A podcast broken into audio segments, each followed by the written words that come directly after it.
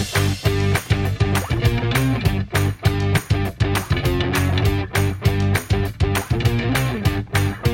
Kansas City from the 19, throwing at the goal line, and it's caught by Kelsey for the touchdown. In the pocket. Gets away from Chenal, who's trying to get after him for a second time, but the ball is thrown to the end zone, and it's caught. Flowers with the touchdown. It's back to Pacheco. Pacheco drives across for the Chiefs touchdown to the end zone again, and it is intercepted. Goes down, another fake. Coming Jamison Williams, the speedster, has a block. Williams cuts up, 25, 20, still on his feet. Jamison Williams scores! Montgomery on second and goal, surging his way forward. He's in! Touchdown, Detroit. Here's Purdy with a lot of time. Steps into one. Watching deep, going for Brandon Ayuk. It is. Oh, he caught it off the ricochet. Penalty. Is he in? Four-man rush. Purdy in some trouble. Escapes. Looking for the first down. He's got it and more. Brock Purdy with the legs inside the 30. Dit is NFL op woensdag. Jouw Nederlandstalige podcast over de NFL, de National Football League. De Super Bowl van het seizoen 2023 is bekend. De Kansas City Chiefs spelen hem namens de AFC. En de San Francisco 49ers namens de NFC. Dat is al reden genoeg voor NFL op woensdag. Seizoen 4, aflevering 31.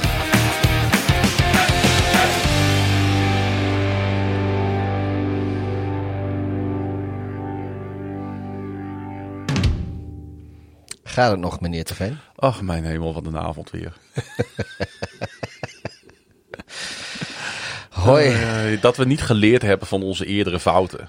Hoezo? Ik, ik zit hier hartstikke... Maar ja, mijn, mijn afgelopen 24 uur waren denk ik ook net wat Ja, ik beter denk, dan jouw afgelopen 24 ik uur. denk dat het daar ook mee te maken heeft. En ik ben nog altijd een beetje zit ik in de naweeën van twee eh, vreselijke mannengriepweken. Maar ik dacht om, om die verschrikkelijke avond eh, gisteren in proeflokaal Hooghout weg te eten. Nee, dit, dit is reclame voor over twee weken. Om, Vreselijke avond in proeflokaal Hooghout, gedempte Zuiderdiep 61 in het Groningse stadje G. Jij weet misschien niet zo goed hoe het is om je team eh, Te nou zien ja, verliezen. Ja, oh nee, oh nee. Ik heb, ik heb echt geen idee, Klaas-Jan. Vertel mij eens. Hoe is het als je team verliest? Vertel me eens. Nou, je, je zit er ook altijd wel heel over te janken. Hè? Daar valt reuze mee. Wat stop jij nou in je mond? Nou, dat dat dessert van ons zeven gangen diner. we, we, ja, we hebben een doggybag met dessert. Want er komt, we konden kiezen tussen zoetigheid of een kaasplankje. En wij zijn natuurlijk kerels, dus wij gaan voor het kaasplankje. Ik denk dat het kaasplankje en dat glas port me genekt heeft. Dat heeft me over het randje geholpen waarom ik nu hier nu weer Even voor, als een natte dwel op de zolderkamer zit. even voor de context voor de mensen die niet eh, eh, in de petje.affers eh, telegramgroep zitten. Want daar hadden we het wel aangekondigd. Ehm, nou ja, ik, ik hou van lekker eten en drinken. En Klaas-Jan ook. Dat Nou is denk ik niet per se een geheim. Maar eh, ja, om het voor Klaas-Jan allemaal net wat draaglijker te maken. Om na eh, gisteravond deze podcast toch maar op te nemen. Hebben we besloten om een zeven gangen diner met een bijpassend wijnarrangement te doen. Of zou het dat wijnarrangement zijn wat me nekt? Nee, wat was, eh, we begonnen meteen met, met, met de apostelhoeven. Met dat mineraaltje. Nee, de wijn was goed. Maar goed, we hebben dus eh de vier en een half, vijf uur lang zitten eten en wijn zitten drinken. Ja. En nu zijn we een podcast opnemen. Ja. Maar, oh ja, maar waarom zit ik nou nog eh, te knagen aan die zoetigheid? Ja, dit was trouwens een parfait of zo van aardbeien shit. Was Die- dit niet de gin tonic? Nee, ik heb de gin tonic marshmallow, die ligt hier nog. En Gin tonic marshmallow. ja, daar ben ik echt heel benieuwd naar. Het ziet eruit als een stukje pur schuim. Ja. Maar ehm, ja, we konden dus, dus het zoete dessert daar eten. Of we konden een kaasplankje nemen en dan het zoete dessert meenemen. En toen hadden we zoiets van, nou dan gaan we dat meenemen. Even dat tijdens de podcast. Maar Klaas-Jan wil niet meer eten, maar ik, ik eet gewoon door. Ik merk dat ik echt geen hap meer door mijn keel kan krijgen. Ik heb, het is echt... Jij bent ook normaal ook niet zo'n eter. Nee, maar nou, het, ik, het, het, het eten valt me gewoon nog wat zwaar, merk ik. Mijn lichaam is nog niet weer helemaal gewend aan, aan, dit, soort, eh, aan dit soort hele Tour de France-achtige diners. Van etappe naar etappe. Ik vond het wel goed. Nee, het was hartstikke Een beetje goed. eend, een beetje roodbaars, een beetje, een beetje sucade, een beetje eh kokkeien. Kokieën. Kokkiën, sorry. Kokkeien. Ja, kokkeien, kokkiën. Tomato, tomato. Eh, nee, het was hartstikke lekker. eh, en we hebben ook tijdens het diner hebben we al best wel veel besproken. Ja, dus we Eigenlijk zijn- hadden we daar gewoon een, een, microfoon op tafel moeten Ja, zetten. en we hadden zijn- we een podcast gehad. We zijn eigenlijk een beetje uitgepraat al. Ja, nou, er is echt nog wel wat te bespreken. Eh, want de twee championship wedstrijden waren natuurlijk afgelopen zondagavond, Pieter. En, En wat een feest. eh, op zich wel, want het is altijd, eh, de spanning staat er volop. En het is of tranen voor de verliezer of Super Bowl voor de winnaar. De extremen kunnen eigenlijk niet groter uit elkaar liggen. Dat maakt het weekend natuurlijk altijd erg bijzonder. Wat, wat wel is, denk ik, en ik ga dat nu ook al gewoon zeggen: van fuck, Ja. fuck het er maar als mensen dat niet leuk vinden dat ik dat zeg. Eh, los van de fans van de Chiefs en de Niners is dit voor de meeste neutralio's, voor zover ik eh, eh, de, de sentimenten heb meegekregen op de social media en zo om me heen, ook gisteren in de kroeg en zo, is dit eigenlijk de minst gewenste uitkomst van beide. Voor welk team is het teleurstellender? Voor de Detroit Lions of de Baltimore Ravens? Eh, ik.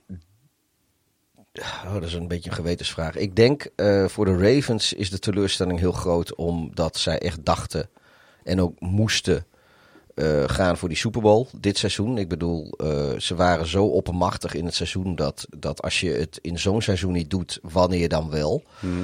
Eh, voor de Lions, ja, ze zijn er zo lang niet bij geweest. En er zijn generaties Lions-fans die eh, nooit een grote prijs hebben meegemaakt. Maar er zijn ook alweer twee generaties die überhaupt nooit een championship game hebben meegemaakt. Laat staan een Super Bowl. En eh, die zijn al, al, al, weet ik veel, eh 30 jaar, dik 30 jaar niet zo dichtbij geweest. Dus in die zin. Kijk, voor de, voor de, voor de Ravens-fans, de, de Ravens bestaan nu sinds 96. Ja. En dit was hun derde AFC Championship game. Dus dat is gro- grofweg één iedere tien jaar. Zeg ik dat goed? Ja, dat zeg ik wel redelijk goed. Ehm, voor de Lions, eh, de laatste keer dat zij zo dichtbij waren, bestonden de Ravens nog niet eens. Dus in die zin eh, eh, denk ik dat misschien, hoe teleurstellend het is ook veel Ravens-fans, van binnen nu en tien jaar kan het weer zover zijn. Hmm. En eh, daar komt bij, die organisatie wordt stabiel gerund en er zit gewoon heel veel talent. En eh, het zou mij niet verbazen als ze er volgend jaar of over twee jaar of over drie jaar gewoon weer staan. Voor de Lions, eh, ondanks dat zij echt de goede kant op zijn qua ontwikkeling, is het echt nog maar afwachten. Ik Want, zit trouwens even na te denken hoor. We hebben wel meer conference games gespeeld. Want ik kan me sowieso nog de nederlaag in 2008 natuurlijk tegen de Steelers herinneren. Was het Steelers-Ravens in de conference eh, championship game. En we hebben natuurlijk ook van de Patriots oh ja, de verloren. Patriots met Billy Conde, daar hadden we het nog over. Ja, ja Eh, dat moet in 2011 geweest zijn. Seizoen 2011. Ja, Ja. Dat, dat moet dan wel, want seizoen 2010 was Exact. het Steelers Jets. Ja. Dus we hebben vaker eh, conference games Nou ja, goed, eh, vijf. verloren ook. Vijf, Ja. nee, maar je hebt toch in ieder geval vijf gespeeld in 30 jaar. Zeker. En Ja. de Lions, die hadden al meer dan 30 jaar niet eens één gespeeld. Dus in die zin, eh, ik kan natuurlijk voor beide fanbases niet spreken, want ik, ben, ik behoor tot geen van beide fanbases. Maar ik denk dat de, de, de Lions was dit veel meer een unicum. eh, dat ze al zo dichtbij waren voor dan de, voor Ravens. Voor de Lions was het een unicum, maar voor de Ravens was het een unieke kans. Want eh, dit team, in alles straalde dit team tot deze wedstrijd uit dat het hun jaar was. Dat het hun moment was, hun team, het was hun eh, thuisvoordeel. nee, so- sowieso, het was eh, Ook voor- hun tegenstanders. Want één, de Houston Texans, die moesten verslagen worden. En dat deden ze ook. Ja. Maar in een thuiswedstrijd. Al die jaren dat de Chiefs altijd maar op Arrowhead. Ondersteund door hun eigen fans in hun eigen omgeving. Ieder jaar maar weer. Freewheelend bijna. Is Ja. natuurlijk, dit is natuurlijk gechargeerd. Want ze hebben er keihard voor moeten knokken. Ja, nee, maar goed, wij we zijn even bedoel. niet van de nuance nu. We zijn nu even, praten even als fans. En dan komen ze in ons huis. In Baltimore. ja, Voor een... En, en, En- dan, en, en- dan weer... ja weet en- Patrick Mahomes iets op de mat te leggen wat de winnende formule telkens weer blijkt. En niet alleen dat. eh, tot nu toe, tot gisteravond, was iedere keer als Baltimore een, een tegenstander trof, eh, of het nou uit was of thuis, eh, die op dat moment gezien werd als een van de beste teams in de NFL. We hebben het over de Lions, die ze dit seizoen tegengekomen zijn. We hebben het over de Dolphins, die toen zij tegen de Ravens speelden, golden als een van de beste teams in de league. We hebben het over de, Met name Eh, die 49ers game natuurlijk. eh, de 49ers, inderdaad. Wat een, misschien wel een soort van preview op de Super Bowl was destijds. En het achteraf had kunnen zijn. Eh, hebben de, de Ravens daar vrij gedecideerd eh, afstand van genomen in die wedstrijd. En dat gewoon met heel veel overtuiging gewonnen. En ja, daar was gisteren helemaal niks van terug te zien. Dus in die zin snap ik die teleurstelling ook wel. Want je ging nu echt... maar eh, waar, waar zit nou de choke? Zit de choke nou bij Lamar en eh, de spelers, maar met name bij Lamar? Het is toch de quarterback die de lijn in het veld uitzet. Of zit de choke eh, bij de coachingstaf die, en dat kunnen we nu wel concluderen, gewoon een beroerd gameplan eh, op tafel heeft gelegd voor deze wedstrijd? ik vind Of dat- heeft het ook nog eens alles met elkaar te maken? Nou, het zit een beetje in elkaar verweven, maar ik vind dat het uiteindelijk bij de coachingstaf ligt.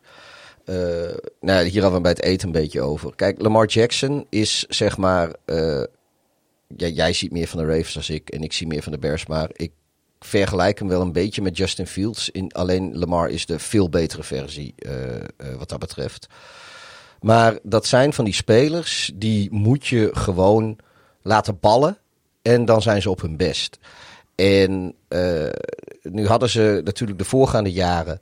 Eh, hadden ze daar met eh, Greg Roman en een gameplan en, en weet je, en de wapens en al gedoe. Maar het lukte vaak wel. Maar als het er dan echt op aankwam, als je echt tegen goede tegenstanders speelde, dan kwam het er niet uit.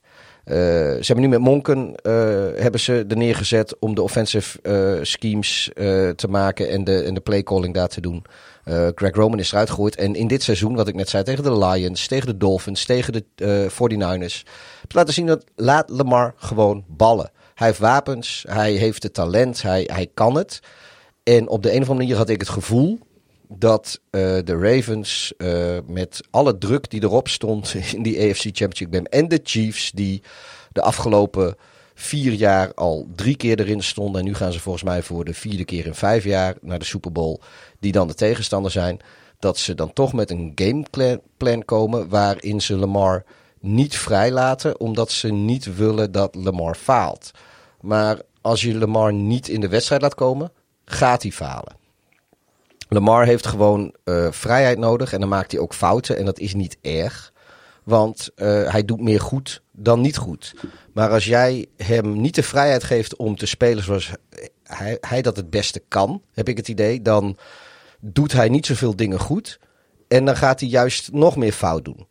En dat is aan de ene kant is dat iets waar je bij bijvoorbeeld Mahomes minder last van hebt. Want Ja. als je zegt speel behoudend, speelt hij behoudend. Neem risico, neemt de risico. Eh, Lamar moet je gewoon zijn eigen spel laten maken. Lamar, je kan, moet, je la- Lamar moet meer in een ritme komen. ja, Lamar laat zich niet eh, eh, conservatief plannen. Nee. En dat hebben ze voor mijn gevoel wel gedaan gisteren. Net als in de eerste helft tegen de Houston Texans. Ook een hele conservatieve aanvallende gameplan. Ja, en dat heb ik toen nog een beetje gegooid. Kan er ook een beetje zijn met de roest van eh, eh, eh, een weekje vrijaf en starters een beetje benchen. Twee weekjes vrij af zelfs. Ja, nee, maar ook daarvoor was natuurlijk de starters gebenched en een week ja. helemaal niet gespeeld. Dus een beetje roest, maar dat was vrij snel bijgedraaid. Ja, dat was nu ook niet. Dus ja, Het postseason record van Lamar Jackson. 2-4. Het postseason record van Peter Manning in zijn eerste zes, in zes, ja, zes jaar. Je voelde hem al aankomen. 2-4. ja. Wat is het grote verschil tussen Manning en Lamar Jackson? Dat is dat de Colts op dat moment... was bij de Colts, hè? De Colts op dat moment de 29ste scoring defense van de league hadden. En natuurlijk een keer tegen de Ravens, eh Manning ook. En- maar dat was met Vlekko. Ja, dat was met Vlekko. En eh, de Baltimore Ravens hebben sinds dat Lamar Jackson in week 10 van het seizoen 2018 starter werd voor de Baltimore Ravens, de tweede scoring defense in de league. Nee, ik, ik vind echt gewoon... Dat je eh, met deze defense, wat die je geeft, want zij houden gewoon de Kansas City Chiefs op eh, nul punten naar rust. Ja. Dat is ongekend eigenlijk in een eh, conference final. Ja, daar, wil ik, daar heb ik, wil ik nog wel een nuance bij zetten, maar dat komt straks wel. Die nuance is er ook. En die mag je eigenlijk wel gelijk uitspreken. Want die, die hoort er ook bij uitgesproken te worden. Het heeft natuurlijk ook alles met hoe die wedstrijd Ja, nee, maar goed, dat, we, dat, dat, dat komt straks over hoe de Chiefs deze wedstrijd aanvlogen. Maar eh, we hebben het nu een beetje over hoe de Ravens... Nou, eigenlijk is het een soort van ongekende schande... dat de Baltimore Ravens deze kans niet gepakt hebben. Ja, ik vind het gewoon eh, eh, met... Ik heb er eigenlijk geen ander woord voor. Nee, ik, ik, ik, ik, het, ik ben ook eh, namens Baltimore teleurgesteld. In de zin van dat. tuurlijk, het, het seizoen begon een beetje stroef. met denk ik als dieptepunt die wedstrijd tegen de Colts. Uiteindelijk kwam het, kwam het gewoon aan de praat op een manier nou ja, bijna ongekend. Wat ik zeg, Ja. weet je, met als uit, De uitschieters... dominantie van de Ravens hebben wij, denk ik, in die 20, 25 jaar dat we nu NFL kijken, zelden gezien. Nee, ze hadden het soms wel eens iets lastiger tegen de wat mindere goden. Maar wat ik zeg, weet je, die, die, die, die eh, eh, Dolphins, Lions en Niners games. Wat eh, allemaal, eh, even los van conferences, qua talenten aan beide kanten van de bal. En zoals die teams op dat moment in het seizoen stonden, gewoon Super Bowls hadden kunnen zijn. Eh, die hebben ze zo gedomineerd en zo, zo overtuigend gewonnen. En dat ze eh, met dat allemaal in het achterhoofd en een redelijk fit team, bijna, bijna een helemaal fit team. En dat, dat ze dan niet uit durven gaan van eigen kracht, maar toch met een behoudende manier van spelen komen in eigen huis. Tegen een tegenstander waarvan je weet dat ze door de lucht lastig hebben. Maar ook een tegenstander dat echt respect voor de manier waarop zij de Bills verslagen hebben, maar was ook nipt. Eh, ze hadden een makkie aan de Dolphins die niet thuis gaven. In die bittere kou speelden ze toch maar mooi even klaar. En Maar achteraf was dit hun makkelijkste wedstrijd tot nu toe in dit ze, postseason. ze kwamen uit een seizoen waar van alles misging natuurlijk. Iedere touchdown moesten ze vechten. Voor Ja. iedere, het ging allemaal lastig. En dan, Maar dan heb je het nog niet eens over de dingen op het veld. De drops en inderdaad Ja. de, de misses. Maar, en, en ook Mahomes die af en toe eh, ballen gooide. Waarvan we dachten van, hoe, hoe is het mogelijk dat een quarterback op dit niveau dit doet? ja. En buiten het veld ruzie maken met elkaar. Oneenigheid, niet op één lijn zitten. En ze, zitten, en ze staan in postseason. En Mahomes maakt nul fouten. Want het is niet alleen tegen de Ravens dat hij nul fouten maakte. De enige fout die de Chiefs hebben gemaakt tegen de Bills was niet de fout van Mahomes. Nee, dit is een beetje dit, dit is een, een, een callback aan wat ik eh, natuurlijk vorige week zei. eh, wel een beetje over eh, hoe de Chiefs profiteren van de fouten die hun tegenstander maakt. En hoe lastig het voor de tegenstander is om te profiteren van die hele zeldzame fouten die zij maken. Eh, en daar was dit ook weer een beetje een voorbeeld van. Want het, ja, nogmaals, ik vind gewoon eh, met wat ik van de, van de Ravens heb gezien dit seizoen en wat ik van de Ravens weet en zoals ik de Chiefs dit seizoen gezien heb en waar hun eh, problemen een beetje lagen. Ik heb niet het idee dat, er, dat de Ravens deze wedstrijd vanuit eigen kracht eh, zijn aangevlogen. Terwijl juist de eigen kracht van de Ravens, eh, dat had nou precies eh, de Chiefs het heel lastig kunnen maken. Ik geloof dat er zes designed running plays waren. En elf in totaal. Dus er zullen dan nog inderdaad een stuk of vijf scrambles geweest zijn. Terwijl de Chiefs het met de rushing game van de tegenstander gewoon heel moeilijk hebben. En Baltimore heeft de beste rushing offense. Hoezo de fuck stap je daarvan af? Wat, wat, wat bezielt je? En het is leuk hoor. Het is eh, allemaal heel cute om, zeker in de eerste twee kwarten, te proberen van nou we gaan nou juist iets doen wat ze niet verwachten. Want dan eh, gaan wij tegen hun gameplan in. Nou, dat lukt de hele eerste helft niet. Maar het begin, Dus het pa- begin- ga dan in de tweede helft terug naar je eigen kracht. Baltimore is toch een team dat in de rust de omzetting kan doen. Ga in de rust terug naar wat je kan. Want eh, eh, de wedstrijd was lang nog niet gespeeld bij rust. Nee. Hoe is het toch mogelijk dat een quarterback die, en daar twijfelt eigenlijk niemand aan, zijn tweede MVP-titel gaat pakken, in die stretch geen enkele Super Bowl haalt, laat staan wint? Patrick Mahomes, Steve Young, Brett Favre, Johnny Unitas, kennen ze ook nog wel in Baltimore, Kurt Warner, allemaal tweevoudig MVP's die in hun zes seizoenen allemaal een Super Bowl hebben gehaald en gewonnen. Ja, maar volgens mij hebben, is het, komt het relatief vaak voor dat de seizoens-MVP niet de Super Bowl wint. Ja, en toch hebben deze mannen allemaal al het tegendeel bewezen. Ja, ze hebben allemaal Super Bowls gewonnen, maar volgens mij hebben ze Lamar- algemeen maar Lamar niet de Super Bowl gewonnen in het seizoen dat ze MVP Ja, waren. maar Lamar is de enige tweevoudig, Tweevoudig. want dat durf ik wel te zeggen. Ondanks wat we van hem hebben gezien afgelopen zondag. Het gaat natuurlijk over het reguliere seizoen. En met die defense, daar kun je op, tot op zekere hoogte Lamar voor accountable houden. Want hij mag natuurlijk, wat het gameplan ook is en wat de calls ook zijn, nooit die interceptie gooien in triple coverage. Hij mag nooit die strip sack eh, hem laten overkomen in de eerste helft. Maar ehm, Sorry, ik zei trouwens 11 eh, rushing eh, plays. Het waren er 16 uiteindelijk. oké. Maar nog ver van de 42 die ze tegen. maar dat zijn, hadden. weet je, dat, het zijn niet eens. Ik, ik, ik, ik wil het op zich ook wel over de wedstrijd hebben. En ik wil best wel uitpluizen, zeg maar, hoe de Ravens het hebben verkloot. En hebben ver- vergooid. Maar ik denk dat hier een grote plaatje is. Er is een grote verhaal eh, nu op dit moment aanwezig rond dit team. Waar we het over moeten hebben. Dat is namelijk wie is verantwoordelijk voor, voor, voor deze eh, ongekende blunder. Want dat is het. En dat zeg ik met, en dat is een gevleugelde uitspraak, en dat zeggen we wel vaker, maar dat zeg ik echt met alle respect voor de Chiefs. Maar als je kijkt naar de, de unieke combinatie, en daar heb ik het de vorige keer ook al over gehad, hè, de unieke combinatie van een all-pro quarterback en de beste scoring defense in de league. Tot nu toe heeft die combinatie iedere keer een Super Bowl opgeleverd voor het team die die winnende combinatie had. En, en zo kunnen we doorgaan met, met, met, want we kunnen dit staven.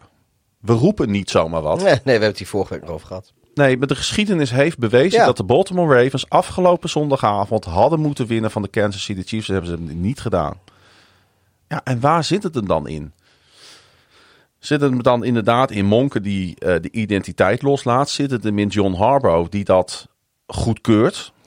Ik, eh, Zit het hem in de quarterback die niet genoeg misschien dan de vocale leider ook buiten het veld is om zich daarmee te bemoeien en daartegen in te gaan? Waar zit hem dat dan in? ik denk dat. eh, en nu ga ik natuurlijk gewoon eh, lekker speculeren. Maar ja, goed, daar zitten we nu voor. Eh, ik denk dat Lamar Jackson het mentaal gewoon lastig heeft op het moment dat de druk echt heel groot is. En ik denk ook dat een Harbo en eh, is ook een Monken dat weten. Want die, die kennen hem beter dan wij allebei samen. En we hebben in het verleden wel gezien dat eh, eh, Jackson de moeite mee had om de aller, allergrootste wedstrijden, als het hele seizoen op het spel staat, om die over de streep te trekken. Dat is vaker gebeurd. En dat is denk ik dus ook de reden dat de coachingstaf met een gameplan gekomen is die, eh, die conservatief is. Zodat, zodat Jackson niet eh, die Ah. fouten kan maken die hij vaker maakte. Maar, Maar, dat, dat, dat, maar- dat ontstaat dus al omdat zij, eh, om het heel plat te zeggen, blijkbaar Lamar Jackson op het moment suprem niet vertrouwen om zijn eigen spel te spelen en het goed te doen. Maar hoe kan het dan dat je zelfs al in de eerste helft geen aanpassingen doet in die playcall? Je ziet Lamar Jackson en de Baltimore Ravens gelijk in de eerste drive three and out gaan. Dat is sowieso natuurlijk al een dramatische start in eigen huis. Want jij krijgt de bal, de Chiefs die winnen de tos en zeggen oké, laat het maar zien. Wat, een wat ik zeker in hindsight heel slim vind. Ja, Want, want, meest- hij, want ja. hij maakt het niet waar. Nee, dat gebeurt meestal, maar inderdaad. eh, Vervolgens complete Patrick Mahomes zijn eerste elf elf passes. op en- twee drives. En nog maak je, kijk, die bom op Zee Flowers en hoe die dan vervolgens die, die, die, die sec ontwijkt. Weet je, magistraal. Prachtig. Ja. Leuk voor de Right on the highlights. money. Leuk voor de highlights. Echt, echt. eh, dat kan die. Ja. Dat wisten we al. Ja. Maar buiten dat, laat, want da- dat was een play dat Lamar zijn magic mocht laten zien. ja. Want alles was, wat daar gepland was, alles wat daar gecallt was, alle reads die er eventueel waren geweest, waren allemaal weg. Ja. Allemaal overboord. ja, dat klopt. Dat was improvisatie van zowel Lamar Jackson als misschien wel een van de weinige echte uitblinkers bij de Ravens. Zay Flowers, ondanks zijn fumble. Ja. Want ik reken hem het niet eens heel erg aan dat het gebeurt.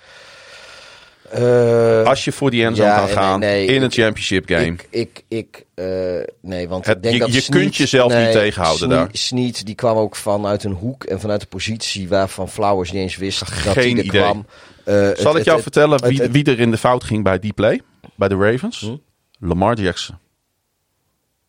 En dan denk je misschien, hè? Ik heb die play, ik denk acht, negen keer opnieuw gekeken vanmiddag. En het is Lamar Jackson die te laat die bal op Zay Flowers gooit. En dat vertelde me alles over die wedstrijd. Zay Flowers stond al vanaf seconde 0.1 vrij in die play. Ja. Als je vrijkomt in de NFL op championship niveau tegen de Kansas City Chiefs, die hebben laten zien dat ze kunnen verdedigen dit Ja. jaar, dan moet die bal onmiddellijk Ja. uit je handen naar Zay Flowers. Zay Flowers die in NFL-termen, je kunt je dit niet voorstellen hoe lang drie seconden zijn in de NFL. Dat is zeeën van tijd in dit spelletje. moeten trouwen, kinderen krijgen, opvoeden en, en, en, en, en met pensioen zien gaan. De bal ging veel te langzaam uit de handen van Lamar Jackson na Zay Flowers. Waardoor Snead net genoeg tijd had Ja. om bij Zay Flowers te komen. En die bal net voor de endzone uit zijn Ja, handen te slaan. En je, en je kan, je dat, kan, dat vertelde ja. mij alles over Lamar Jackson deze wedstrijd. Je kan van Flowers zeggen van joh, je kan ook gewoon down gaan op de 1 of 2 yard line. En het daarna met die first down Ja, heb je vier pogingen met die instinctief- rushing game. instinctief kan maar als jij receiver zo dat niet. dicht bij de doellijn bent, jongen, houd toch op met me. Ik, tu- dat, tuurlijk, weet je, eh, Flowers, eh, een van zijn taken is wel om, om die bal niet te fambelen. Maar dat, laten we vooral Snead de complimenten geven Zo, voor de play die hij wat maakte. een play, ja. Want eh, die verdient hij. Eh, want eh 99 van de 100 keer is dit gewoon een hele simpele, of nou simpele, is dit gewoon een hele knappe touchdown. En eh eh Snead die stond op op het moment dat het moest en die maakt die play. En inderdaad, ik. en En dan hebben de Chiefs nog kansen laten liggen deze wedstrijd. Hè? Dat moeten we niet ja, vergeten. Ik, ik heb echt het idee, de, de Chiefs die hebben het hele, hele jaar hebben ze al moeite met drops en, en receivers die, die net niet goed. Dus hun, hun, hun eh, passing game is niet zo denderend. En zij hebben eh, de, hun eerste twee drives hebben ze voornamelijk eh, door de lucht gedaan. Veel door de lucht gedaan. Ze hebben daar risico's mee genomen, dat wisten ze. Beide drives eindigden in een touchdown. Uh, de Ravens uh, begonnen zoals je zei met three and out. Hun tweede drive was wel een touchdown. En daarna kregen ze de bal weer. Dat was al, ook alweer niks.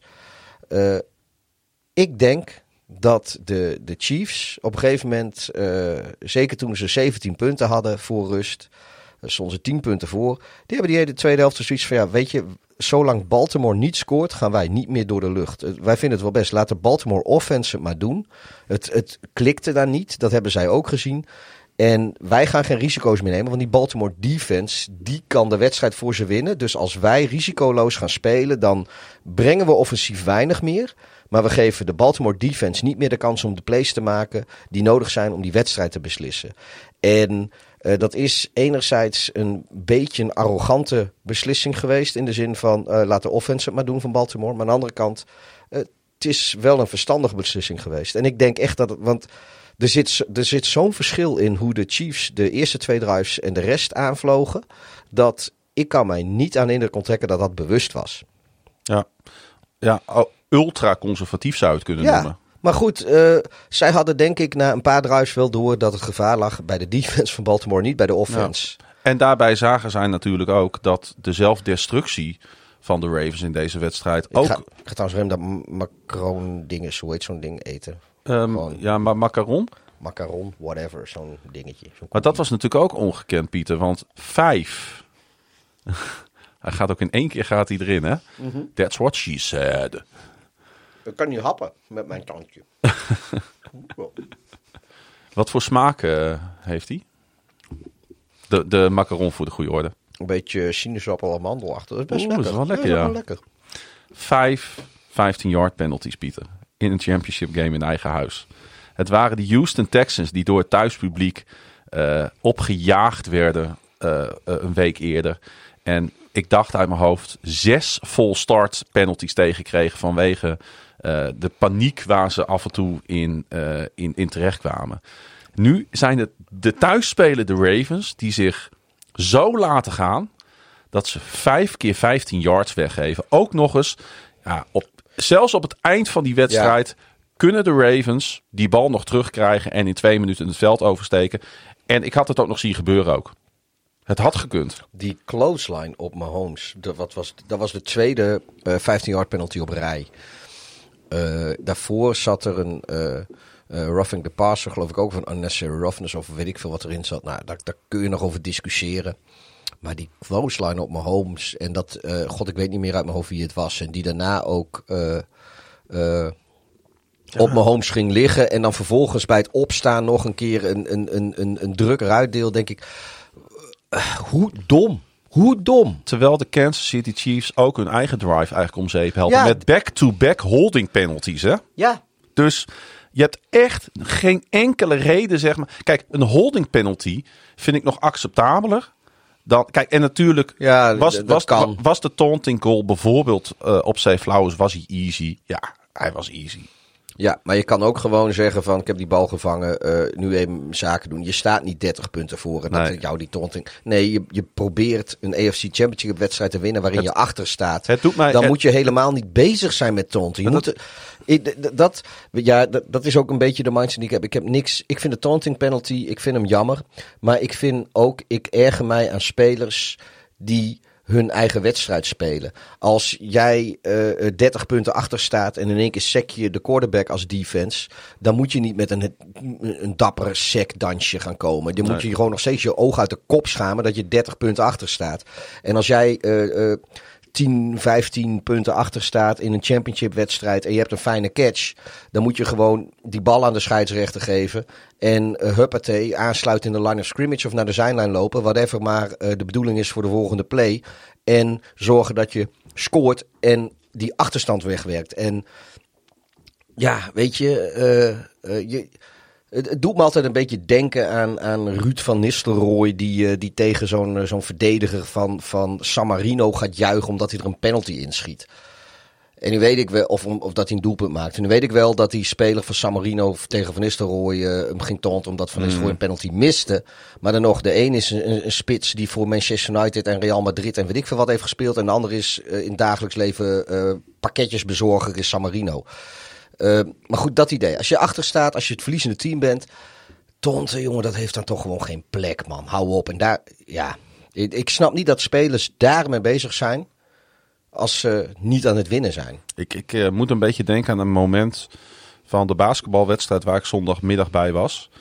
Uh, Landsteden, Donar. Ja, uh, en Donar heeft een speler die fysiek zo sterk is. Theo John heet hij dat hij gewoon uh, fouten aantrekt, zou je bijna kunnen zeggen, bij de totaal, werkelijk maar ook totaal onberekenbare uh, scheidsrechters in, in het Nederlandse basketbal. Wat doet hij aan het begin van de wedstrijd nadat hij één keer geduwd is? Hij geeft een duw terug. Nou, na een minuut fout, uh, eerste fout. Een minuut later, tweede fout.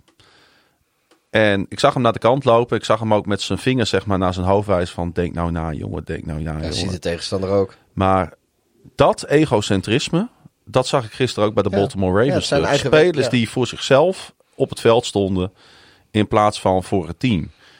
En dat neem ik ze gewoon ongelooflijk kwalijk. Want, want het bizarre is natuurlijk dat dat eerder in het seizoen niet zo was. Nee.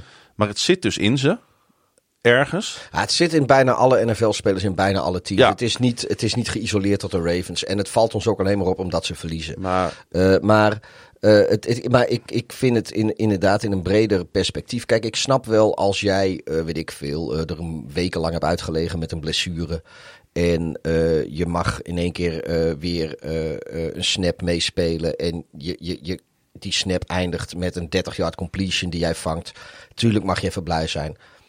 Dat, dat vind ik allemaal best. Maar dat, dat taunten, dus naar een tegenstander Mm. toe gaan. Dat snap ik niet als je achter staat. Want ik, ik, als ik als tegenstander heb ik ook zoiets van... Ja, hartstikke goed jongen, maar kijk zijn scorebord, vriend. Ja, wat dat betreft krijgt hij deksel op de neus. Want twee plays later laat hij de bal vlak voor de endzone los. Uh, Ja. Of wordt losgeslagen, hebben we het over Ja. gehad.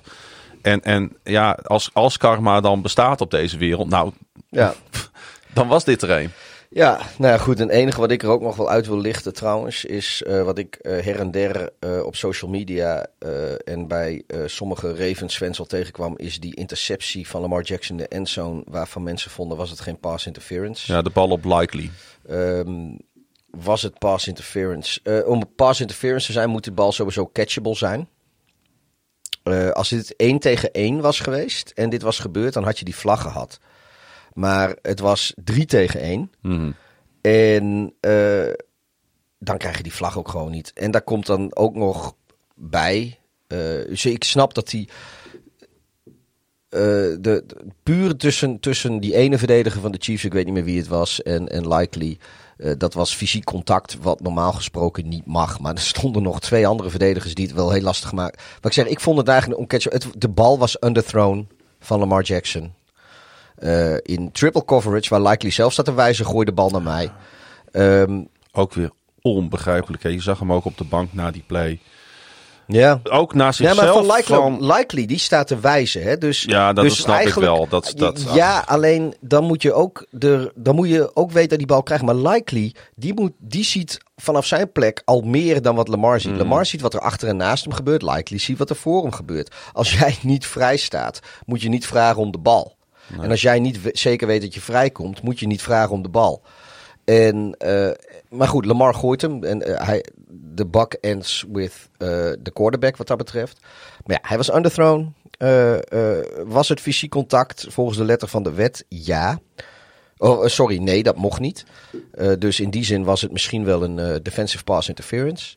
Uh, was de bal catchable? Nee, hij was underthrown. En stel dat je die vlag wel krijgt, dan denk ik dat... Er, uh, jongen, dat was pas onterecht geweest. Ik heb aan het eind van de wedstrijd nog wel een andere holding call gezien trouwens. Die wel op de echt gegeven had moeten worden. Ja. Maar hey... Um, er is nog een wedstrijd gespeeld. Toch, toch even, ja, dat. En, uh, maar goed, nee, de, even, en iedereen, iedereen die deze podcast luistert weet dat ik, uh, dat ik, dat dit mijn team is en dat dit... Ja ontzettend veel uh, voor mij betekent. En dat heeft niet alleen te maken met deze wedstrijd. Ik eet nog even een limoncello. Doe jij dat uh, lekker even. Maar dat heeft natuurlijk ook te dat heeft met al dat, dat mijn hele nee, mijn, mijn hele afgelopen 20, 25 jaar zijn verbonden aan, aan deze franchise. Alles wat ik heb meegemaakt, de goede dingen en de minder goede dingen, die kan ik terug uh, herleiden naar ook alles rondom dit team. Wij hebben reizen gemaakt, emotionele reizen gemaakt, zelfs naar Amerika. Weet je, dus dit betekent echt ontzettend veel voor mij. Maar ik had eigenlijk wel na de wedstrijd. Ik was niet teleurgesteld in mijn team, maar ik was boos op mijn team. Ja, dat snap ik. Nee, maar ik, ik dat, zijn, dat... dat... zijn twee verschillende dingen. Ja, en kijk, dat heb ik met. Um, om weer helemaal terug te komen op de vraag uh, vroeg in de podcast: uh, wie is meer teleurgesteld, Lions of Ravens fans? Um, ik denk als Lions-fan heb je niet zoveel reden om boos te zijn op je team. Je hebt een nee. geweldig seizoen gekregen. Het enige, ik, want ik denk wel dat we nu doorgaan naar die andere Bijna, wedstrijd. want ik wil... Oh. Bijna. Nou ja, ik wil het toch nog even over mijn homes hebben. Want ik vind wel dat dat eerlijk is. Ja, de, nou, ja dus, inderdaad ook. We moeten ook even over de winnaar hebben. Want ik, ik, je begint hem nu toch te vergelijken met Tom Brady ondertussen. In ieder geval uh, zit hij halverwege Tom Brady's... Uh, nou ja, het is wel tweede, tweede Hall of Fame carrière. Precies, het is wel grappig, want Brady won zijn derde Super Bowl titel na zijn vijfde seizoen. Uh, trouwens vierde als starter, maar vijfde seizoen. Mahomes uh, uh, kon natuurlijk niet mee met die tred, omdat hij van diezelfde Tom Brady verloor in de Super Bowl van het seizoen 2020. de, de, de Buccaneers natuurlijk. maar met een overwinning op de 49ers over twee weken, dan... Um, uh, dan, dan uh, komt hij eigenlijk weer gelijk met Brady. Want Brady had natuurlijk uh, geen enkel championship in tussen zijn zesde en zijn veertiende seizoen. Daarom spreken we altijd ook over twee Hall of Fame carrières. Oh. En drie als je de Buccaneers inderdaad erbij wil, um. wil nemen. Dus zie, zie jij deze Patrick Mahomes en deze Kansas City Chiefs de komende pakweg acht jaar geen enkele championship meer winnen? Nee, en volgens mij als Mahomes, stel dat hij over twee weken de Super Bowl wint, dan heeft hij, uh, volgens mij is hij net wel of net geen 28. Heeft hij drie ringen uh, op, op of voor zijn 28ste. Ja. ja, sorry man. Maar als hij tot zijn 38ste doorgaat, heeft hij nog tien jaar te gaan met al drie ringen op zak. Nou, dan kan daar niet nog drie of vier bij komen. ja, eh, soort, die vind ik haast 50-50 met zijn talent. Troy Aikman won ook in zijn zevende jaar zijn derde Super Bowl. Won daarna nooit meer een. Ja, maar dat is de Cowboys, hè. Je een knaken franchise. Nee, maar Nee, maar eh, ik, ja... was, da was daarna nog wel, moet ik even tellen, 1, 2, 3, 4, 5. Vijf seizoenen quarterback van de Dallas Cowboys. Ik garandeer... In de, in de NFL. Ik garandeer dat Mahomes langer eh, nog. Ja, aan de andere kant, weet je, als hij er binnen nu en. Als hij voor zijn 35ste zes ringen heeft, dan zegt hij ook misschien ook eens iets van: Weet je, ik vind het wel best. Niet, je, niet iedereen is een Tom Brady die, eh, die, eh, die tot zijn, wat is het, 44ste doorgaat. Ik heb het wel eens vaker gezegd in deze podcast. Ik had echt nooit gedacht dat we na Tom Brady weer een Tom Brady zouden krijgen. Maar er zit nu iemand in de National Football League ballen te gooien die gewoon over Tom Brady heen gaat. Gelukkig weer in de AFC. Helaas weer in de AFC. maar ik wil echt wel even mijn eh, respect Nee, nee. uitspreken voor de Kansas City Chiefs. Want Maar- het- natuurlijk zit ik hier een beetje te janken over de Ravens. En ik denk ook terecht. Want ik, denk, ook even. ik denk ook dat de grotere storyline uiteindelijk is het verlies van de Ravens en niet de winst van de Chiefs. Daar kun je over discussiëren. Nee, maar ik denk als wij over, eh, als de dingen lopen zoals ze zeg maar de afgelopen tien jaar zijn gelopen, dan, eh, als dat de komende tien jaar ook een beetje zo gaat, dan is dit één van de weinige kansen die de Ravens hadden. En het, het is één, één van de vele kampioenschappen van de Chiefs. Dus eh, eh, niemand weet meer dat de, de Ravens eh, van de Chiefs verloren. Behalve Ravens-fans. En, eh, want die weet gewoon, toen waren wij er dichtbij. En voor de rest van de wereld is het, is het straks Maar- een van die Super Bowls die de Chiefs hebben gespeeld in de, in Ja. de vroege 2000s. Ja. Of eh, we- in de vroege Maar 2020s. we, hebben het, we hebben het vaak over de Terry Bradshaws, de Joe Montana's, de Troy Aikmans. Ja, al. zo vaak hebben we het niet over hun trouwens. Nee, in het, ik bedoel niet wij per se, maar daar, daar, hun, hun namen Oh, ja, ja, eh, ja. ko- komen in ieder, iedere show, ieder programma altijd weer voor. En, het, en, en ze zijn ook nog regelmatig natuurlijk op, op Ze televisie zijn er te zelf zien. nog weer. Ze zijn er zelf nog. Maar Of je kan eh, 10.000 dollar van, van Bradshaw's geld winnen eh, iedere week. Ja, maar dit- ja, dat ook nog. Maar dat wordt, dat worden, deze gasten worden toch gezien als de grootheden uit de jaren 80 en 90. 70, ja. En 70 voor Bradshaw inderdaad. Eh, deze Patrick Mahomes, die overstijgt dat toch nu al ja. op een manier Oh, ja. waar- waarop wij... eh, Ik, ik heb echt Mahomes, weer... ja. Ik heb echt gewoon weer met mijn ogen zitten knipperen. Want ik- je kunt... eh, eh, laat- De luisteraars en zeker Chiefs moeten dit niet verkeerd begrijpen. Want ik ben het helemaal met jou eens wat jij zei over de tactiek, de aanvallende tactiek van de Chiefs. Die gewoon echt een stapje terug deden van, nou ja, als het niet hoeft, dan doen we het niet. Niet Dan gaan wij, dat, defense, gaan wij dit risico niet Nee. lopen. Eh, maar dat voor mij is dit, eh, dat is juist zeg maar de winnende tactiek. Ja. Daarmee laat je zien dat je altijd op het goede moment de goede keuzes maakt. En het kon ook trouwens, want dit is natuurlijk de beste defense die Mahomes in zijn Chiefs carrière en dus in zijn NFL carrière gehad heeft.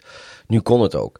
Eh, normaal gesproken, eh, of normaal, de voorgaande eh, jaren had hij een verdediging die wat minder dominant was. Dus dan kun je ook afvragen of je dit soort tactieken kan spelen, omdat wil je met een minder goede verdediging als die van deze Chiefs de Ravens hun gang laten gaan. Nu, nu kun je dat, want de keren dat, dat dingen lukken, hou je de schade beperkt. En anders stop je de volgende play wel. Ja.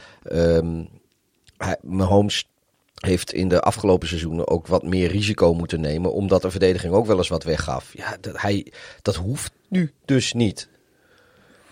Ja, en als zij dus ook nog lekker berekenend kunnen gaan aanvallen met dat talent. Ja, dan krijg je net als de Patriots. Want Brady heeft natuurlijk ook hele goede defense gehad in New England. En eh, ja, als die dan berekenend kunnen gaan spelen. Zo van, nou ja, we gaan geen risico's lopen, lopen die niet nodig zijn. Eh, we hoeven geen shootout. Ja, jongen, dat, dan, dan, dan is daar weinig kruid tegen gewassen. En de Ravens hebben natuurlijk, als we nog even naar de toekomst kijken, ook wel een probleem. Want ik denk dat de kans nog steeds groot is dat ze op de een of andere manier McDonald gaan kwijtraken. De defensive coordinator, die natuurlijk die een, hij is niet een hell of a job heeft gedaan. Want ik denk dat wij echt dit jaar de, de, de beste defense aan het werk hebben gezien in 10, 12 jaar. Je kunt vinden van de Browns wat je ervan kan vinden. Die hebben een geweldig seizoen gedraaid. Maar deze Baltimore Ravens defense is one for the ages. De andere Dit kant, gaan we niet heel snel terugzien. Aan de andere kant, de, de Chiefs die hebben de afgelopen jaren ook de nodige coördinators verloren. En daar merk je uiteindelijk weinig van terug. Ja, daar heb je gelijk. in. die, maar die Sp- Spagnuolo, zo heet hij volgens mij. Ja, maar om met, eh, om met eh, Dakota's woorden te spreken, die hier eh, enkele weken geleden zat. the players are still the players. Hmm. Klinkt bijna als een line uit The Wire. ja. Soldiers will be soldiers. Dus dat. Nee, ik, ik, ik, ik, ik, ik, ik zou me daar niet zoveel zorgen om maken. Ja. Ik eh, zou me, waar ik me eerder zorgen om zou maken, is eh, ofwel met het geld wat je nu aan Lamar Jackson uitgeeft, eh, is hij wel de man die als de druk het grootst is, Mm. je over de bult heen helpt. Want dat is je dit seizoen weer niet gebleken. Of dat. Ja, want ik Of- vraag mij af en- met, met, met hoeveel geld hij natuurlijk... Want dat salaris gaat natuurlijk oplopen. Als dat niet gerestructured wordt op de een of andere manier. Dan vraag ik mij af of je de komende jaren nog zo'n goede defense kan eh, behouden. Ja, en aan de andere kant is het ook zo. Als dus inderdaad waar is wat ik net suggereerde, dat ze misschien wel eh, een conservatiever gameplan gemaakt hebben voor deze wedstrijd, omdat ze niet het volle vertrouwen in Lamar Jackson hadden. Eh, ik zeg niet dat het zo is, maar het zag er op het Het veld leek er wel, zo uit. Ja. Hoezo de fuck betaal je zoveel geld aan een quarterback die je blijkbaar niet helemaal vertrouwt? Dat, het is één van de twee is waar in mijn beleving. Mm. En dat is denk ik eh, een groter probleem, eh, cap, eh, salary cap technisch dan. eh, en niet dat, dat de Ravens dan gaan afzakken naar de, naar, de, naar de spelonken van de NFL hoor, want het is een goed team, wordt goed gerund. Maar eh, ook de Ravens hebben een window. Brock Purdy. Die, eh, die heeft volgens mij de meeste rushing yards van alle quarterbacks dit weekend. En dat eh, had ik ook niet verwacht in een weekend waarin, eh, ja, Goff dan nog wel, maar waar Jackson en Mahomes zouden spelen. Ik vind dat hij een geweldige wedstrijd heeft gespeeld. Er valt helemaal niks op af te dingen. Nee. Nee, ik was echt, echt zwaar onder de indruk van hem. En dat terwijl natuurlijk in die eerste helft de, de 49ers compleet overlopen werden door de Detroit Lions. Want die wedstrijd begon. En ik, eh, ik, eh, ik was net op het moment dat de wedstrijd begon, eh, kwam ik uit het café thuis. en zet ik mijn televisie aan. En ik eh knipperde twee keer met mijn ogen. En het stond eh, 14-0 daar in Santa Clara. Ja. Hoe is het dan nog, nou weer mogelijk? Zou je, dat is dan natuurlijk de vraag eigenlijk die over deze wedstrijd heen hangt. Dat de Lions dit nou weer weggegeven hebben. Vier drives, vier scores openden ze de eerste Ja. helft mee. En drie touchdowns en een field goal. Ehm, hoe geeft de Lions dit weg? Nou, ten eerste hoe San Francisco uit de kleedkamer kwam. En dan vooral hoe gretig. Dat, eh, eh, dat was denk ik belangrijk. Wat eh, ze hebben dan ook nog de 49ers een, een beetje het geluk kunnen zijn. Dat moet ook met... eh, De improbable catch van Brandon Ayuk. Die heeft toch Ja. wel een beetje het seizoen van de 49ers die gered. de, die de bal vangt van de face mask van Bears-legende Kindle Vildor. Ik was vergeten dat, dat hij in Detroit speelde, maar ik zag die naam langskomen en ik oh, daar zit Kindle Vildor. Ja, we waren in Chicago ook niet zo gecharmeerd van hem. Maar hier kon hij weinig aan doen hoor. Ja. Ehm, misschien had hij, eh, als hij net zo de tegenwoordigheid van geest had gehad als Ayuk hem had, had hij die bal weggeslagen trouwens. Op het moment dat hij, eh, dat hij ziet dat hij niet op de grond geweest is. maar dat is hij. eh, Pieter, 17 punten in 8 minuten. Weet je waar de Lions deze wedstrijd verliezen? Zijn het de fourth down calls van Campbell? Ja. Hou een keer Ja, op, je dat man. echt? Ja, ze- nou zeker. Weet je, in het, in het derde en vierde kwart waren de Lions het momentum kwijt. Dan moet je ophouden met fourth down calls als je gewoon drie punten kan pakken. Kijk, in de eerste helft hadden ze alle momentum. Prima dat je ervoor gaat. En eh, dat ze het nog één keer proberen om, om, om eh, de boel een beetje weer eh, op te schudden. Kan ik ook nog. Maar de tweede keer, geen excuus. Sorry man, pak gewoon de punten. Ja, toch moet je natuurlijk niet vergeten dat dit team het team is wat het vaakst op fourth down de afgelopen Ja, twee ja. seizoenen ervoor is gegaan. Ze hebben volgens mij een, eh, een, een conversion percentage van, dit zeg ik uit mijn hoofd, 70%. Ja. Terwijl het league gemiddelde op 52% ligt. Ja. Eh, dus je zou wel kunnen zeggen, als er dan een team is wat de edge heeft om ervoor te gaan op fourth en short, dan Ja. zijn het de Detroit Lions. Het is leuk in een regular season game. Dit is het, het, het NFC-kampioenschap. Nu speel je voor de George Harris trofee naar plaats in de Super Bowl. En dan zijn op een gegeven moment moet je ook gewoon voor drie, punten gaan. Zeker als jij al een kwart lang niet meer tot scoren bent gekomen. En je de tegenstander net 17 punten teruggepakt heeft in Het waren wel relatief lange field goals. Je moet wel in oogschouw nemen dat zij een een ondergemiddelde kicker in die Batchley hebben. Die uh, niet zo'n uh, verre rate heeft. Uh, en ze hadden natuurlijk al een keer in die wedstrijd Moody zien missen. Dus ik ja. kan me ook wel voorstellen dat dat met deze kicker en wellicht ook de kickeromstandigheden deze wedstrijd, dat je toch sneller die afweging maakt om wel voor die fourth down uh, play te gaan. Ja, ik weet niet. Op het moment dat jij tegen een tegenstander speelt... Probeer die... gewoon even te bedenken ja, hè, wat, nee, dit, hoe, hoe, dat dan werkt op zo'n moment. Dat is leuk. In, het eerst, in de eerste helft, in de tweede helft waren de Lions nauwelijks uh, productief meer. Het lukte ze allemaal niet zo goed meer. Uh, de Niners, alles wat zij aanraakten veranderde in goud. Waaronder dus die catch van Ayuk. Um, dan moet je... Ja, sorry man. Weet je, het is leuk hoor, eh, om altijd cute en edgy en, en fourth down conversion. Maar soms moet je ook gewoon conservatief zijn. Ik... Hoewel als Reynolds gewoon die bal vangt, die catchable was, dan is er niks aan de hand. Hè? Ja, nou, ook. Maar uh, nee, uiteindelijk moet je ook gewoon... Uh, kijk, er zitten natuurlijk genoeg uh, uh, conservatismes in, in het Amerika voetbal. En in eigenlijk in alle sporten wel. Die, uh, die misschien wel eens een keer langzaamaan moeten verdwijnen. Maar aan de andere kant, uh, meer dan 100 jaar uh, gridiron voetbal heeft wel een aantal wijsheden opgeleverd. En, uh, ik moet toch wel zeggen, dat, daar heb je gelijk in. Maar ehm, ik had ook bij rust, want we kennen deze 49ers ondertussen een beetje. Ik had nog lang niet het gevoel dat deze wedstrijd over was. En schijnbaar hadden de 49ers dat gevoel ook niet. Nee, terwijl de 49ers was volgens mij het team waarvan we heel recentelijk nog eens hebben opgeduid. Dat als zij meer dan zoveel punten of überhaupt achterstaan bij rust verliezen ze. En ik had vond dat sowieso, ja, dat soort statistieken, daar kan ik sowieso weinig mee. Nou ja, uh, uh, ook omdat het natuurlijk maar een paar verliespartijen zijn. Ja, precies. Dus, dus er is eigenlijk geen sample size nee. om een conclusie uit te trekken. Um, en wat je natuurlijk ook kon zien hier uh, heel erg is hoe de 49ers en die spelers gewend zijn om dit soort wedstrijden te spelen, dit soort druk. Uh, uh, laat zich niet van de wijs brengen enzovoort. En, en, en dat is, zag je bij de Lions toch echt wel wat minder. Toch is het wel bijzonder, want het is maar de vierde keer in NFL history dat een team van 17 punten terugkomt in een conference game. Ja. Dus het is niet, niet, niet, dit is absoluut geen ABC'tje. De eerste keer dat dat gebeurde was de 49ers tegen de Lions. Nou ja, hier. Maar toen waren de Lions die terugkwamen. Toen waren de Lions die terugkwamen, ja. Ja, dat maakt deze wedstrijd natuurlijk ook wel bijzonder. Uh, ja, ik denk toch de, de, de big plays van Purdy hebben de tweede helft gemaakt. Ja, die, het was natuurlijk ook de turnover. Hij had twee maar... of drie rushes. Uh, maar inderdaad, ook die, die, die improbable catch van Ayuk was natuurlijk heel belangrijk. Ja. Um, en ik vond het wel mooi, want de Carl Shanahan uh, werd gevraagd van... Hoe voelde je tijdens de rust? En heel verbeten zei hij... We're not, we are not going out like this. Zo van, dit gaat ons niet overkomen. Dan maar de dood of de gladiolen. Weet je, en dat, dat in, in die, die, die, die, inderdaad, die, die uh, paas van Purdy en de, en de improbable catch, zat alles natuurlijk waarvan de 49ers in de rust tegen elkaar hebben gezegd. Ja, en nu gaan we deze wedstrijd omdraaien. Dit gaat ons in eigen stadion gewoon niet gebeuren. En als je dan die wedstrijd van de Ravens ernaast zet, dan zie je natuurlijk wel het verschil. Ja. Nee, maar dat. dat uh, kijk, nu is het natuurlijk wel zo dat de Lions. die uh, lieten op een gegeven moment heel veel ruimte. voor de 49ers ook om terug te komen. En dat deden de Chiefs niet echt. Uh, ik had het idee dat alles wat de Chiefs niet lukte. dat dat was omdat ze het niet keihard probeerden. Ja, dat klinkt misschien ook een beetje uh, denigrerend. Zo bedoelde ik het bedoel ik niet helemaal. Maar ik zei met dat conservatieve gameplan dat, dat zij hoefden offensief geen risico's te nemen. De Lions die bleven dat wel doen.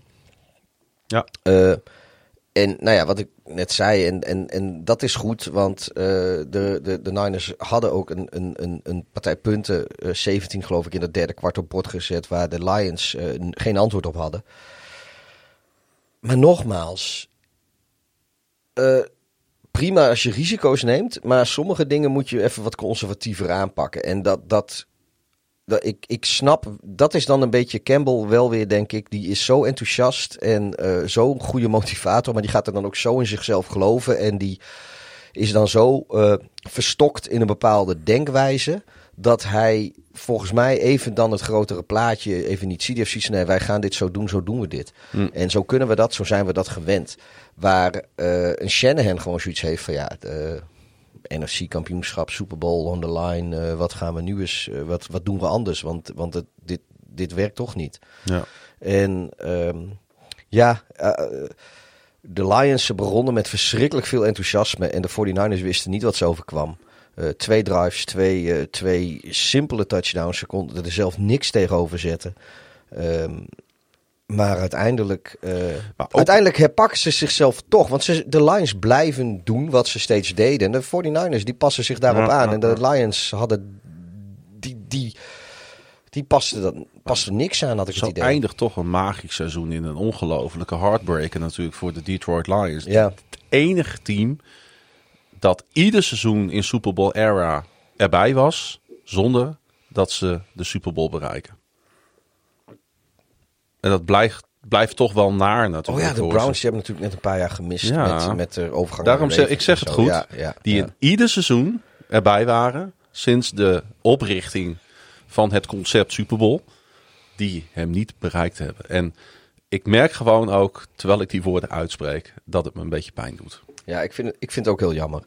Ehm, maar ergens, eh, als liefhebber van drama trouwens, ehm, vond ik het wel jammer, of, of ik heb het gemist hoor.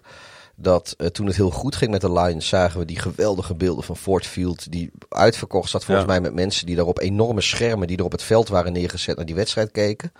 Maar toen het niet meer zo goed ging, heb ik eigenlijk geen beelden meer van Ford Field gezien. En, en als liefhebber van drama vind ik dat eigenlijk wel jammer. Aan de andere kant, ik heb vaak genoeg teleurgestelde gezichten op Ford Field gezien, dus ik weet wel een beetje hoe het eruit ziet. Maar, ja, sorry, maar ik, ik hou ook... Daar kijk je toch ook voor? Weet je, ik moet ook soms gewoon ontzettend lachen hoe druk wij met elkaar eh, ons maken over dit spelletje. En dan zie ik een interview met Brandon Ayuk. En dan wordt hem gevraagd, nou ja, hoe, hoe kon dat nou dat je die bal ving? En, en, en wat ging er door je heen? Hij zegt, voor de wedstrijd landde er een lieve heersbeestje op mijn schoen. En jullie weten allemaal wat dat betekent. En dat is alles wat ik erover te zeggen heb. Dat doet mij denken aan dat interview met Erik Cantona. Had hij ook een lieve heersbeestje op zijn schoen? Nee, die, eh, die was natuurlijk, eh, kwam hij terug. Hele lieve man natuurlijk, hè? Ja, die had zijn schorsing nadat, die Crystal, nadat hij die Crystal Palace supporter een karate trap gegeven had. Ja, Mark-Jan Vladeris, toen was het nog hip. Nu is het een beetje jammer om eh, gewelddadig te zijn op een voetbalveld. Maar ehm, toen moest hij die persconferentie geven. En, daar, en daar, dat zat ramvol journalisten. En hij gaat er achter die tafel zitten en zegt... When the seagulls follow the trawler, it's because they think sardines will be thrown into the sea. En toen stond hij op en liep hij weg. Sorry, nou, nog altijd een van de beste persconferenties samen met die van Beast Mode eh, die ik ooit gezien heb. Ontzettend goed, inderdaad. Ehm, ik voelde ook wel een beetje voor Jameer Gibbs, want die heeft een waanzinnig seizoen gespeeld. Weet je nog dat wij wat lacherig deden over die pick Ja. bij de draft? Wat een pik. Het is, eh, weet je, achteraf, het is een fucking luxe pick om dat te doen. Ja. Als jij op die plek in de eerste ronde die pick kan doen, dat, bet- dat betekent dat je de rest van je team op orde hebt. En dat hebben ze. ja. En, eh, Maar dus- hij was het natuurlijk wel met de fumble. eh, wat de inleiding was natuurlijk voor de run eh, van McCaffrey. Waardoor hij de wedstrijd struikelde gelijk sowieso. werd, Is Ja. het al- hij struikelde heel Ja, vaak. ja. Hij kon zijn voeding niet echt vinden daar in, eh, op dat veld in, op Levi's Stadium. Maar toch, dat, dat, dat is dan toch weer zo gek. Hè? Toch die momentum shift. En ik, het is, heel veel mensen vinden het een jeukwoord en zeggen dat je het niet moet gebruiken. En zeker niet in een podcast. Ik doe het toch. Ja, we doen het gewoon iedere week hoor. Voor mij zat daar op dat moment de momentum shift. Ja, en ja, eerst die Want er fumble. was zelfs voor die fumble, je voelde wel de Niners zijn er aan het aankomen en zijn nu alles aan het geven en halen het Ja, onderste uit hun playbook. En, vlak- toch, Ja, en vlak na die fumble lieten ze volgens mij een 33-yard run van Brock Purdy toe. En Ja. toen kwam volgens mij, ik weet niet of die was daarvoor of daarna, kwam die improbable catch. Dat was allemaal in, voor, voor mijn gevoel. Het was natuurlijk al afgelopen nacht dat ik keek, zat, er, zat- er niet zo heel veel tijd tussen. nee, En eh, ja, jongen, daar ik weet nog dat ik toen ergens op. eh, ik heb het vorige week of twee weken geleden in deze podcast. heb ik mij uitgesproken tegen het adagium Same Old Lions. Maar ik had vannacht. eh, kon ik het niet laten. En ik heb toch hashtag SOL. Want het was in één keer was het weer de Same Old Lions. En ik vind dat gewoon heel erg jammer. voor Detroit, voor het, het, het team, voor eh, de meeste van die spelers, voor, voor eh, Dan Campbell.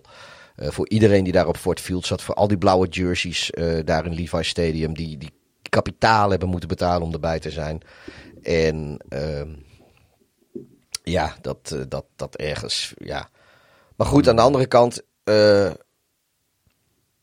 som- je weet het nooit, in de NFL bestaan geen garanties. Maar ik kan mij toch ergens ook niet voorstellen dat de Lions de komende tien jaar, er, in de, ergens in de komende weet ik hoeveel jaar, niet daar nog een keer staan, man. Met deze groep waarvan zoveel talenten nog zo jong zijn. Een Hutchinson, een Jameer Gibbs, eh, eh, Ja. noem ze allemaal maar op. En, en Goff, die heeft natuurlijk niet het eeuwige leven, maar één deze seizoenen komt daar een andere quarterback. Misschien een die ze zelf draften, die daar op een gespreidsbedje terechtkomt. En dan is misschien die, die, die Ben Johnson, die OC zal dan weg zijn, maar Dan Campbell zit er waarschijnlijk nog. En ik denk dat eh, in de recente geschiedenis de toekomst van de Lions niet zondiger is geweest dan dat hij nu is. Het is een beetje een schrale troost voor bijvoorbeeld Jeroen van den Berg. Sorry man, ik had, het, ik had je meer gegund. Ik ook. Maar eh, ik denk wel dat dat zo is. We krijgen nu een eh, Super Bowl re of een rematch van de Super Bowl van 2020 natuurlijk. Jee. Ik moest even nadenken of ik klopte wat ik zei, maar inderdaad, een paar jaar geleden hadden we deze wedstrijd natuurlijk ook al. Ehm, is er voor jou veel veranderd eh, ten opzichte van 2020 of zitten we eigenlijk een beetje in hetzelfde pakket? Purdy is beter dan Garoppolo en ze hebben CMC. Ja. Dus je zou zeggen dat de 49ers eh, meer overhand zouden moeten hebben dan een paar jaar geleden. Ja, en ik denk ook te, te kunnen. Ja, ik denk ook te weten dat eh, de 49ers eh, niet zo stom zijn om zoals wat ze in Baltimore gedaan hebben van hun sterke punten af te stappen op het moment dat je tegen de Chiefs speelt. Dus wat dat betreft, eh, Ik zeg niet dat de 49ers gaan winnen, maar ik kan mij niet voorstellen dat, eh, dat, dat ze in, in, in San Francisco eh, dezelfde fouten maken als die ze in Baltimore gemaakt hebben. Wa- ja, nou, we hebben het volgens mij meer dan drie kwartier zo'n beetje over de Ravens gehad. Maar nog, ja, sorry, dat, dat, dat, dat verbaast me ook het meest. Kijk, Ja, dat, dat de, de 49ers van de Lions... Nee, ik vind eigenlijk dat we heel veel over de Lions nog moeten praten. Misschien gaan we dat in het offseason wel doen.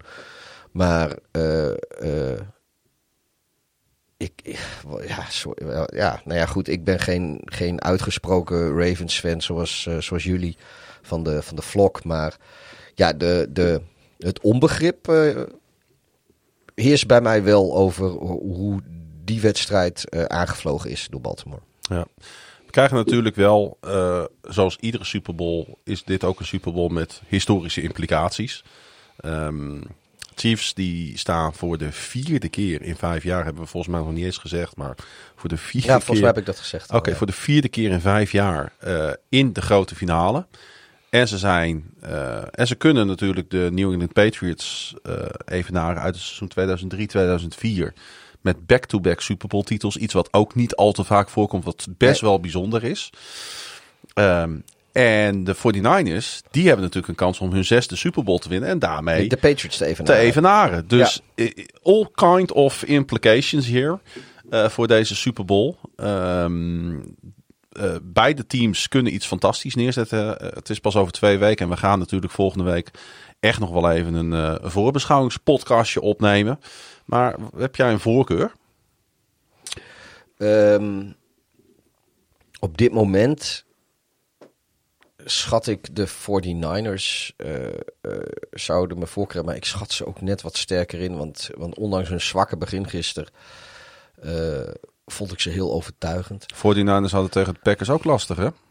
Aan, Het was ja, niet hun eerste moeilijke wedstrijd. Nee, aan de andere kant, als ik zie hoe Kelsey gisteren ook speelde en, en Ja, dat. eh, kijk, zo- zo'n Rice en zo ook wel bij de Chiefs. Die hebben het allemaal hartstikke mooi gedaan. En Mahomes, die vindt zijn mannetjes wel als het moet. Maar, Pacheco ook Oh, een hele belangrijke ja, rol. Maar, maar, maar die, die, die catches, die onmogelijke ballen die Kelsey vangt op momenten dat je er eigenlijk... eh, Allemaal op third, fourth down situations. ja, joh, dat is, Ja. dat is ook als jij dan inderdaad als, Het is niet als op first down, hè? als jij als Ravens fan naar zo'n wedstrijd zit te kijken, jongen, dan heb je ook gewoon zin om, je- om je onderbroek op te vreten. Want, want wat een, dat, dat is ook gewoon die.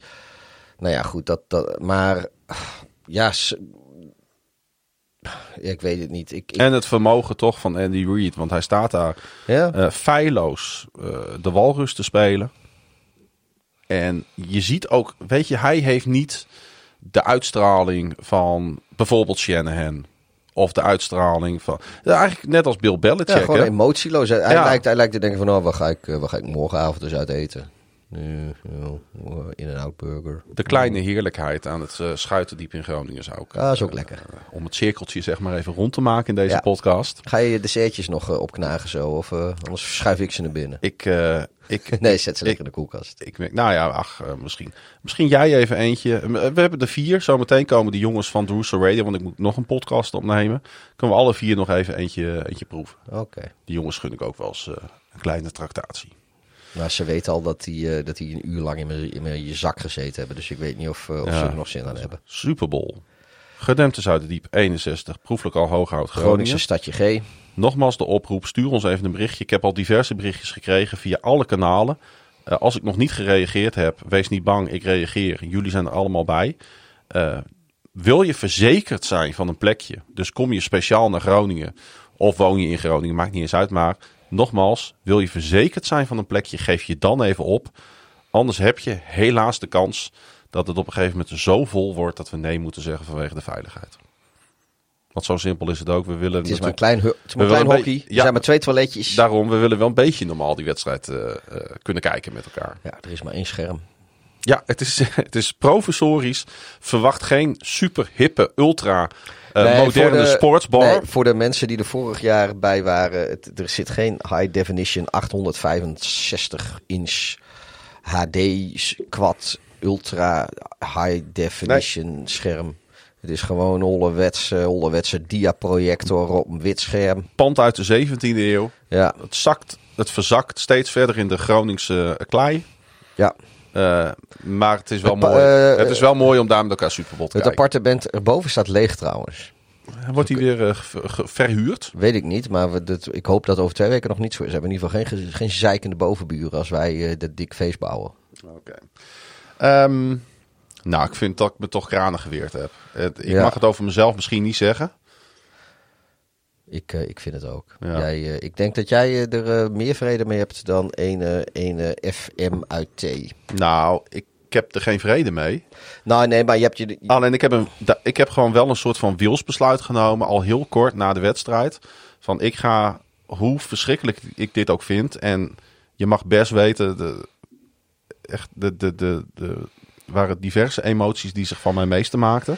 Tranen liepen hem kruislings door de bil na, lieve Nou. luisteraars. Dat niet, maar ik heb wel een Oh. soort van wilsbesluit genomen van ja, maar ik ga niet nu eh, de rest van mijn leven laten beïnvloeden door deze verliespartij. Nee, maar al- alsnog denk, gaat ik, me te ver. alsnog denk ik dat jij daar al in, qua verwerking al een stuk verder bent dan FM uit T. Ja, maar ik ben ook een stuk volwassener. Ja, dat is wel een beetje waar. Het is, eh, is ook wel een beetje bizar. Van- Voor, iemand, ben voor ik- iemand die alles leuk vindt, vindt hij dan sommige dingen gewoon echt, echt helemaal niet leuk. Ik ben de man die hem getrouwd heeft. Dat zegt genoeg over hoe verder ik in de, in, in- op de route in het leven ben. Hè? Maar dat is ook weer waar. Goed, hey, wij gaan er een eind aan breien voor deze keer. Wist je eh, dat hij ook een Millennium Falcon heeft gekocht? eh, is dat zo? Ja, dat ding die, eh, die beneden in de kast staat, heeft hij nu ook. Oh. Voor, voor, voor, om om, om de, de- alle emoties weg te legoen. Ja, ik denk dat hij dat pas doet als hij verhuisd is. Of als dat, helemaal, als dat allemaal, allemaal rond en klaar is. Maar eh, Pieter, bedankt voor vanavond. Voor het eh, etentje natuurlijk ook. Maar, oh, jij ook eh, bedankt, want ik heb nog niet betaald. Dus Nee, die zal ik vast nog wel. snel even over de schutting gooien via een tikkie. Ehm, we zitten nu op... eh 1 uur en 8 minuten. 30. eh, wat is het ook alweer? Januari. en we gaan. ehm, de Super Bowl is natuurlijk op 11 februari. En we gaan eh, lekker volgende week dinsdag. Gaan we hier eh, previewen op de Super Bowl. Ja. Eh, jij gooit nog wel even een polletje, denk ik, in de Telegram groep. Hoe we dat moeten gaan doen. Ja, we, ja, dat we- ja, dat gaan we sowieso even doen. Ja, dat gaan we Zodat de mensen ook een beetje inspraak hebben met wat voor soort uit- uitzending dat wordt. Wat voor soort aflevering. En dan gaan we langzaam toeleven na die wedstrijd in Las Vegas. Eh, tussen de eh 49ers en de Chiefs. En eh, helaas is het misschien niet de gewenste Super Bowl voor ons. Maar ik ben er toch wel van overtuigd dat het een hele mooie pot wordt. Ja, en daar komt Ik trouwens... zie niet in waarom het zeg maar een klote wedstrijd zou moeten worden. Nee, daar komt bij als de wedstrijd zelf, als, als dat dan mo mocht, dan kunnen we altijd, weet je, we zitten met z'n allen in die kroeg en we vermaken ons hoe dan ook. Zeker. Daar zijn we de wedstrijd eigenlijk niet voor nodig. Hebben wij de wedstrijd? Zijn we de wedstrijd? Ah ja, weet ik ook veel. Denk je nou aan het eind van deze aflevering, aan bijna aan het einde van dit eh, NFL-seizoen, van goh, het is toch wel leuk wat die jongens doen, we gaan ze even steunen. Dan kun je naar nflopwoensdag.nl, dan word je doorgesluist naar onze petje.af pagina, waar je ook onze extra content kan vinden. Er zal niet zo heel veel extra content meer volgen, maar hè, het reguliere seizoen hebben we natuurlijk iedere keer eh, ook eh, onze voorspellingspodcast opgenomen. Het hoeft niet, het mag wel, vinden we leuk. En je kan ons natuurlijk volgen op de social media kanalen. Nou, kom je naar Groningen en kom je dus aan het gedempte Zuiderdiep 61 bij Proeflokaal Hooghout de Superbowl kijken. Geef dat even bij ons aan. Dan ben je zeker van een plekje. En ehm, dan zien we jullie graag eh, die zondagnacht in het Groningse stadje G. Ja, ik heb nog maar één zin eh, op het script staan die jij moet uitspreken. Beste Morier.